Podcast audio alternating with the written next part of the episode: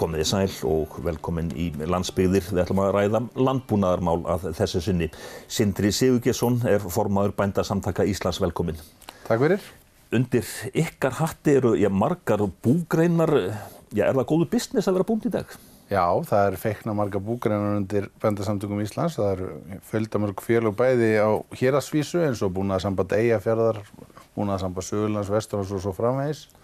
Og svo fullt af hérna, aldarfélögum á, á sviði búgreina eins og söðfjörbændur, kúabændur og lóðdýrabændur og ímislega fleira má lengi telja. Íslands samfélag það hefur tekið miklum breytingum, þetta er ekki lengur bændasamfélag, en ég, þú hefur verið lengi í framvarðarsveitinni, já, veit landin nógu mikið um landbúnað, finnst ykkur það? Já, sko, við höfum alltaf verið meðutuð um það að við þurfum að standa okkur vel í að uppfraða landanum um hvað landbúnaður snýst. Og yfir þetta sem þú nefnir, að hérna, það, þetta hefur þróast í þá átt að, að, hérna, að landbúnaðurinn er kannski umfangsminni í heldarsamfélaginu en hann var hér fyrrum. Hérna, snemma á senustu öld á snýrist allt um landbúnað sem það gerir ekki í sama mæli í dag. Þannig að við höfum alveg verið meðvituð um það og, og reyndar oft verið gaggrínt bændasamtöngin fyrir að standa okkur ekki nógu vel í uppfræða landanum um hvað íslensku landbúnaði snýst. En við höfum samt sem áður hérna, haft ákveði verkefni á bændasamtökunum sem er mjög skemmtilegt og heitir hérna, Dagur með bónda. Það sem við sem sagt, e, förum og heimsækjum e, bekki í, í, hérna, á höfuborgarsvæðinu og eins hér á Akureyri líka. E, það sem er sem sagt, farið í skólan og, og hérna, bændur koma þar og hitta nefnendur skólana til þess að ákveðna bekki til þess að uppfræða þá um það hvað, hérna, hvað gengur og gerist í sveitinni. Mm. Ennfremur þá hefur við duglega að, að bjóða upp á bæi sem eru tilbúinir að taka á móti bæði leikskólakrökkum og annað til að koma heimsækja sveitina. Svona bæir sem eru ekki allt og langri fjarlað frá, frá hérna, stórum beðakjörnum. Mm. Til þess að nákvæmlega að gera þetta, að halda þekkingunni við um hvað snýst íslenskum landbúnaðar og mjölkin verður ekki bara til inn í hillir sko í búðinni. Og, hambúrgararnir, þeir verð ekki til í bónus? Nei, nokkarlega. Já, ef við bara svona, já, horfum yfir sviðið á þessar tvær svona stóru búgrænunar, sem sagt kúabændur og söðfjárbændur, þar svona er landslægið svolítið þannig að búum, sagt, fækkar en þau stækka. Rétt.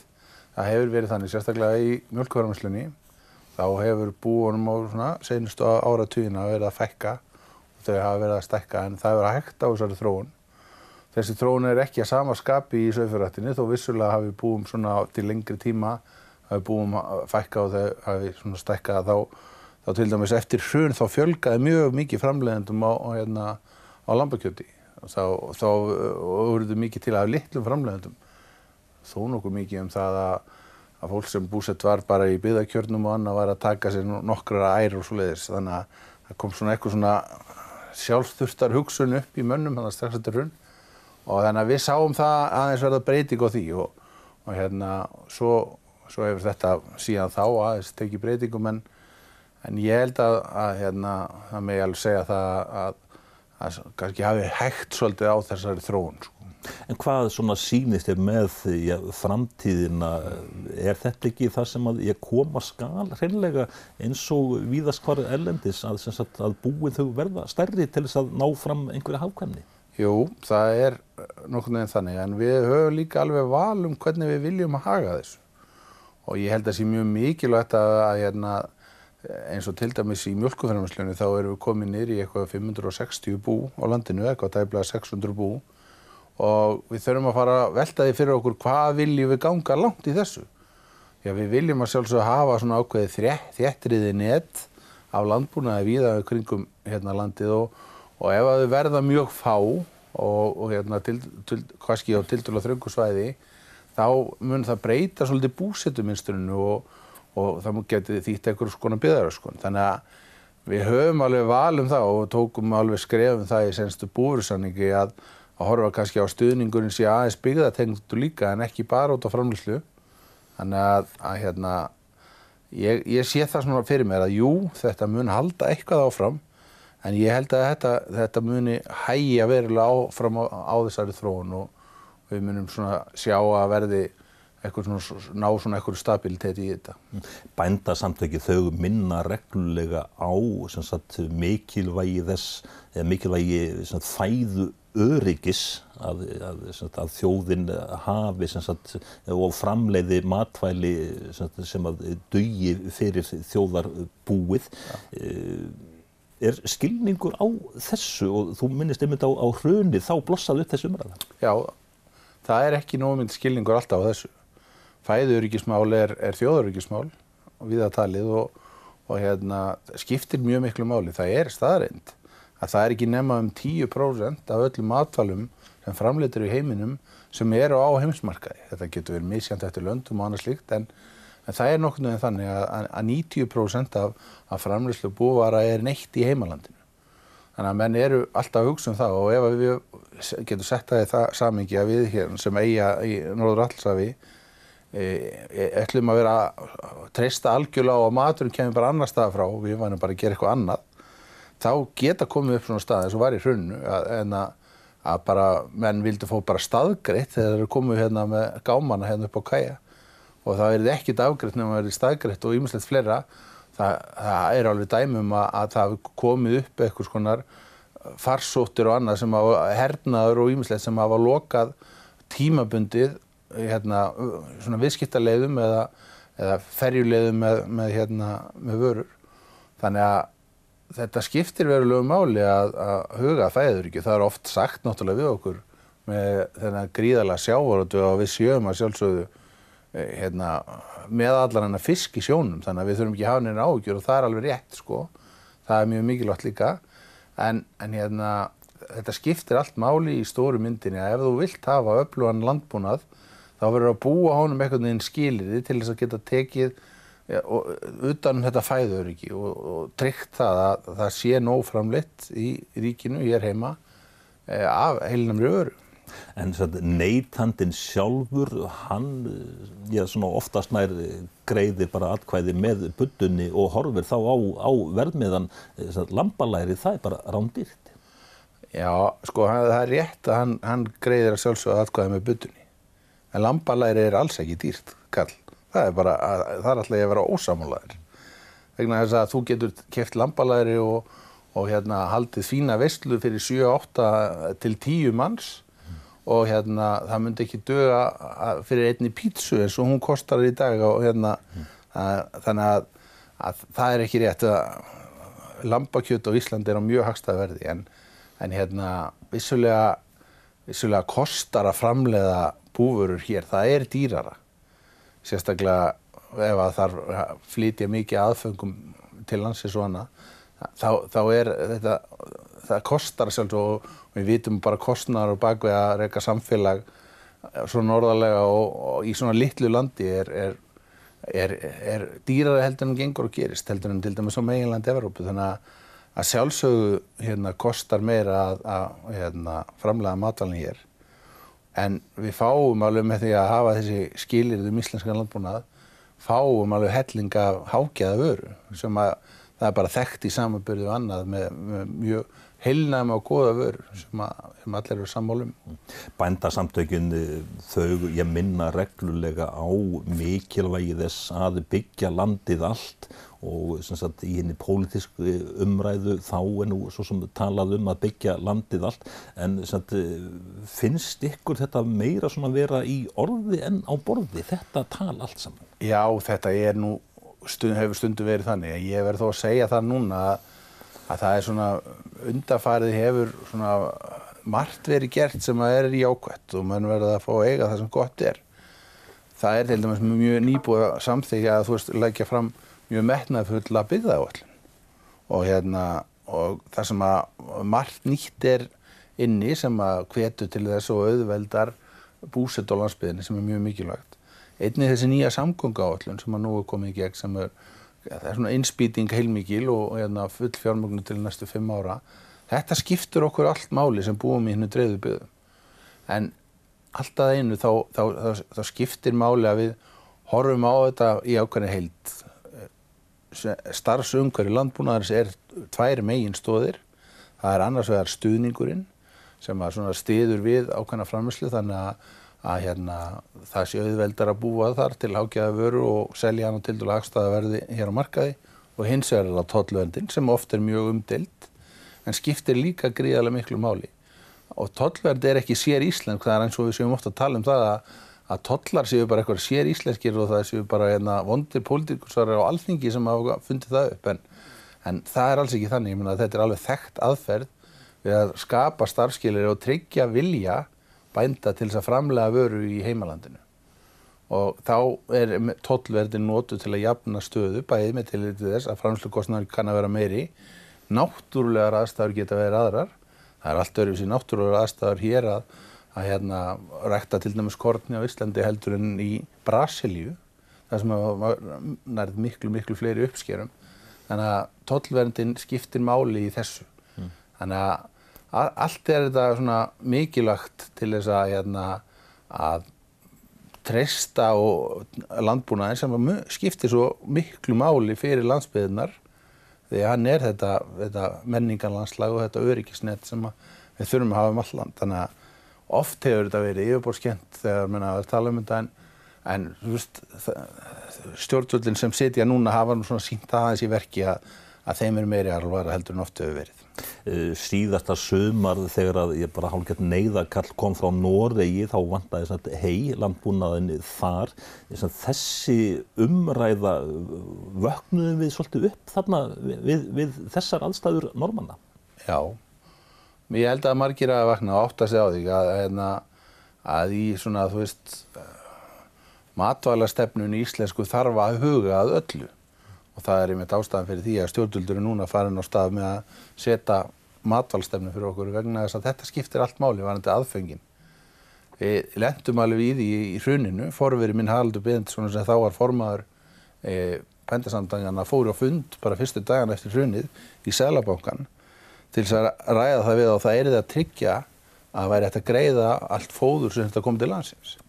Að því að við flytjum þó nokkuð inn að, að, að fóður, kjartfóður og annað sem er ekki náttúrulega skilir því hér til þess að framlega eins og kveiti og soja og umstilt flera og það, þannig að þú veist það síndi okkur bæði í hrunið það síndi okkur að, að þetta skiptir mál og eins þetta sem við nefnum núna með, með hérna heiöflun í, í löndunum í kringum okkur, á Norrlöndunum sem að fór bara hérna var bara mjög erfið út af miklum þurkum að, hérna, þetta skiptir allt saman máli sko ný skísla sem að Vívilli Karlsson í Borganesi hefur gert fyrir landsluta samtökin.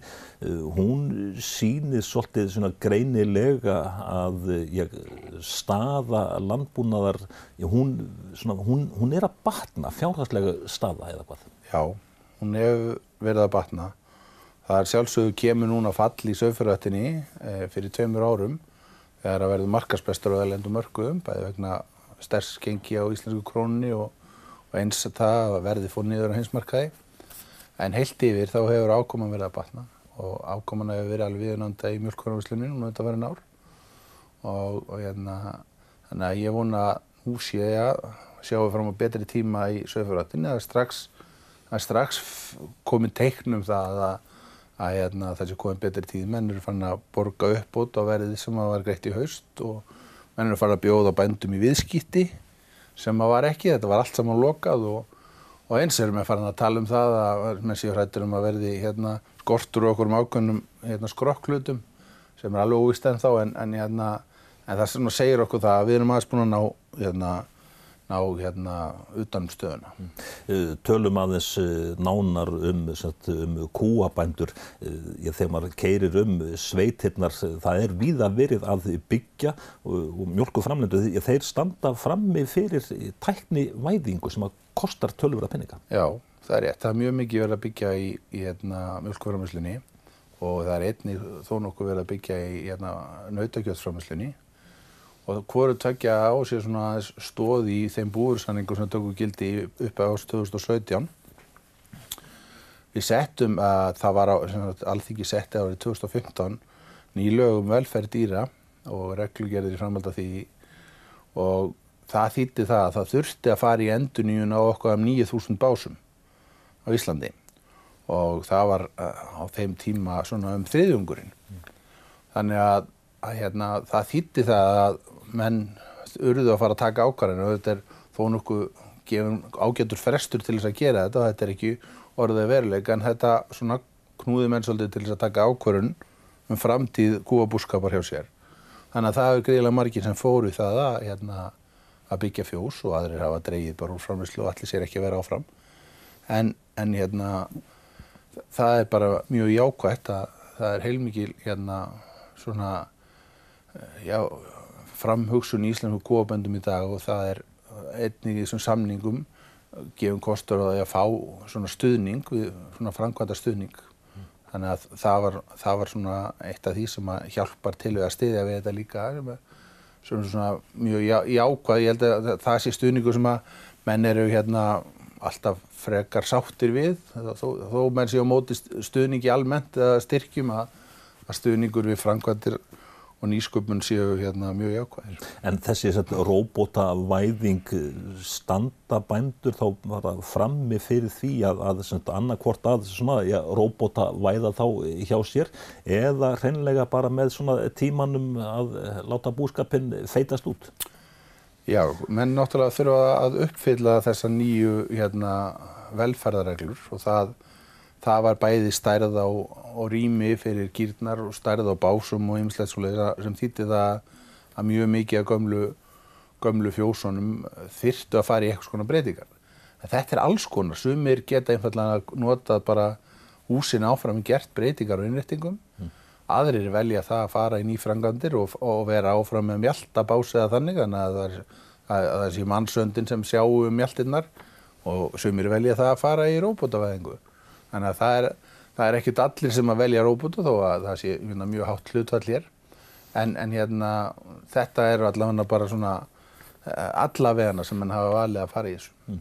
Uh, kúabændur þeir eiga sagt, MS, það stóra batteri. Uh, kallar þetta ekki stundum á árekstra og er það bara, svona, bara holdt fyrir atvinnugreinina að þeir séu sagt, bæði sagt, í framleiðslunni og svo í sölumálum? Já, þetta er alveg rétt þegar þetta getur komið upp frá staða hérna, að það, það myndist svona einhver, einhver hérna, erfileikar á milli varðandi þetta, við þekkjum þetta vel úr kjötunum líka þar sem að, þar sem að bændunir eiga afverðastöðun að segja samt þið og, og hérna, það, þið vil ekki borga okkur náðu mikið og annað slíkt en, en ég held að þetta sé alveg ágætt form. Eh, það er þannig að víða í heiminum eru mjög öflug og stór samfunnufjölu og bændar sem að eiga úrveysli fyrirtæki og það þekkjum við bara mjög vel á Norrlöndum með svo Arla og eins og Tíne í Norri og fleiri fyrirtæki, stóru og öllu fyrirtæki á sviði mjölkvöðumarslu og, og þetta hefur, þarna eru liggja þá hagsmunir saman að, að frumframlistan sé í, með ágætum og sé í góðu lægi og í góðum tengslu við svo úrvinnsluna einnig. Þetta sjálfsög skiptir einni máli í þessu að hafa aðgengi fyrir alla sem vilja vinna úr íslenskri mjölk og vinna úr mjölk almennt. Og það hefur alveg verið okkar skoðun að, að mjölkursamsalan sem er í eigu bænda sé mjög, mjög mikilvægt fyrirtæki því að hún er svona já, þessi, hérna, þetta, þessi stóra markarsáðandi stöð sem að getur tekið á öllum byrðamálum, getur haldið um alla, utan um alla söfnun og svona og svona tryggt ákveðna bestun í öllu framsluferlinum. En hins vegar er mjög mikilvægt að ef að koma fyrirtæki sem vilja spreita sig á að vinna á mjölk að það séu sé sköpu skilir fyrir slík fyrirtæki og við höfum verið mjög áfram með það.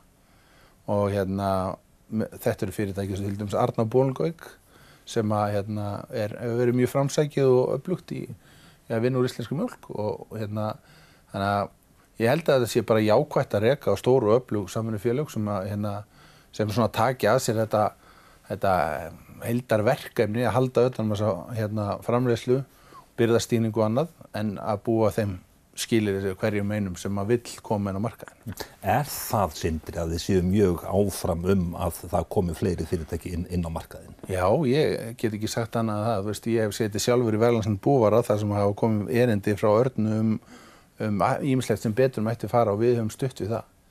Þannig að það er, það er bara mikilvægt að þeir sem vilji koma inn á markað geti gert það. Það er hins vegar þannig að, að hérna, þeir, ég held að þeim þykja ágætt, þeir þurfu ekki að reyka mjölkubíla, þeir þurfu ekki að reyka neina uh, rannsókn á mjölkinni þegar hún er sótt til sínatöku og annað og geta bara einfallega að fengi hann annarkvört ógerisnetta eða gerisnetta til sín á fyrirfannum ákveðinu verði og ég held að veist, þetta sé kerfi sem, a, sem sé hagfælt fyrir þá sem að vilja stíga inn í þetta. Mm.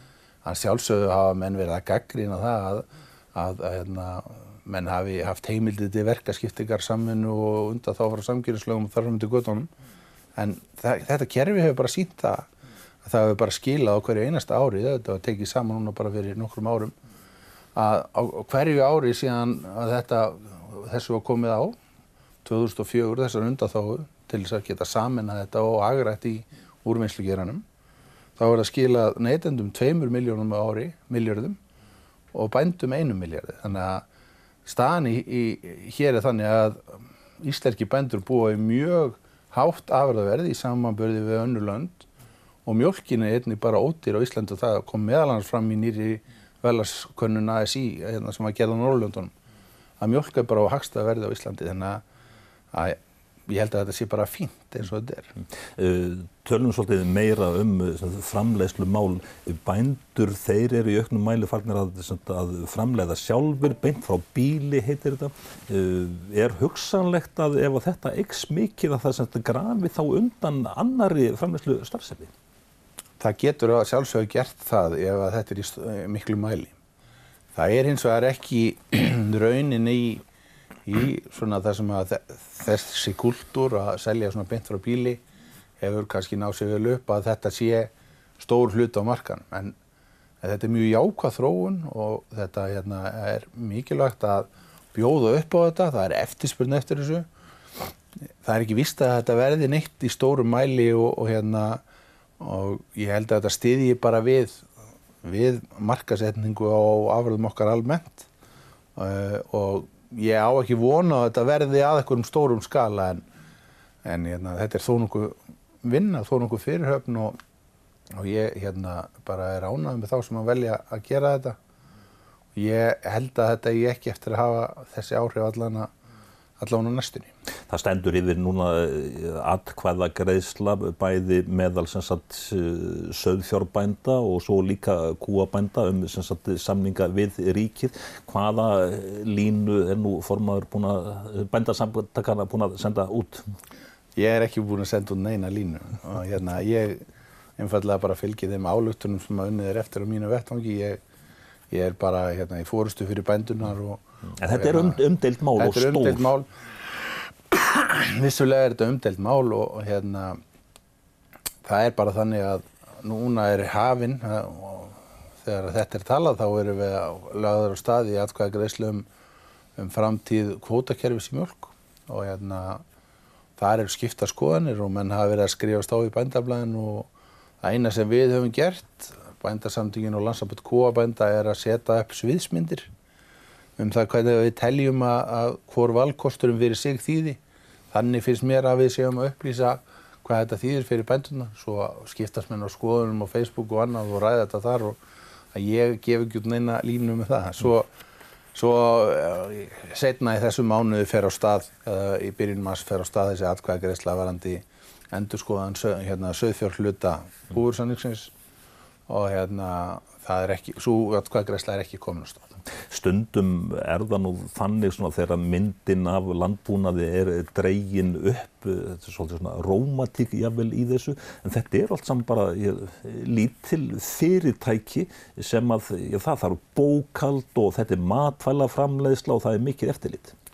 Já, já, það er nefnilega málið, þetta er, þetta er bara eins og reyka fyrirtæki og hérna það er þannig að, að hérna, bara eins og hverju öðru fyrirtæki þá þá þarf að hugað öllu, það þarf að hugað aðfengum, það þarf að hugað bókaldi og, og svo náttúrulega að sinna skeppnunum og, og þetta er mjög fjölbreytt en, en þó að þetta vissulega séu mikil rómatík yfir þessu þá er þetta oft bara hardcore fyrirtækja rekstur. Og hérna menn bara standa sig misjaflega vel í því að sjálfsögðu. Og hérna við, við hérna um, í svona staðstum hluta hinga til verða að reyka þetta bara fyrir eigin kennitölur bændunir en það er í vaksandi mæli verða, verða að færa þetta yfir í yngarvöndafjölug mm. þannig að það er bara svona í takt við tíðanandan. Er jável eh, uppi spekulasjónir einhver staðar um að, sagt, að setja bara stór bú sagt, reynilega bara á markað? Nei, ég hef ekki heyrt það því og ég, ég held að við munum aldrei komast í þennan skala að vera með einhverju rísastór bú hérna á Íslandi og eitthvað sem henn er að kalla vexmiðu bú og annað. Allavega sé ég það ekki alveg fyrir mér á, á hérna, næstunni en þetta þekkjum við það að það eru stór fyrirtæki og fyrirtæki sjáurútum meðal annars sem eru að reka stór, stór bú og, og hérna en það eru ýmsi takmarkandi þættir í þessu og svona landrými og annað og þessi, þessar framslega aðferði sem við notum með þessari beit og, og hérna, þessari heiöflun sem við stundum, stundum hér þá, þá eru svona, þú veist, náttúrulega takmarkandi aðstæður til þess að geta verið með einhver svakala stórbú eins og við heyrum talað um í, í Kína og Indlandi og viða sem eru bara fleiri miljón kýr. En það eru nú þegar komin ansi stór kúabú til dæmis höfni hortnafyrði, tvær miljónir lítra eitthvað svoleiðis. Já, já, það er vissulega komin, komin svo stór bú en, en hérna en þú veist, hér á landi þykja búin að meðaltali alls ekki vera stór með það sem gengur og gerist í Európu sko. Er bóndi sem sagt ennþá bústólpi? Já, sannlega er bóndi bústólpi sko og mun verða áfram og, og, hérna, og mjög mikilvægur einnig í, í þessu menningalandslægi sem við erum að búa til hérna. Það væri ekki þess hérna, virði að ferðast um með alla þessa ferðamönnum í Íslandi, það væri ekki þessi búskapur sem heldur þessu menningarlandslægi uppi. Sindri Sigurgesson, formadur bændasamtaka Íslands. Þakka þér fyrir spjallið. Takk svo þess.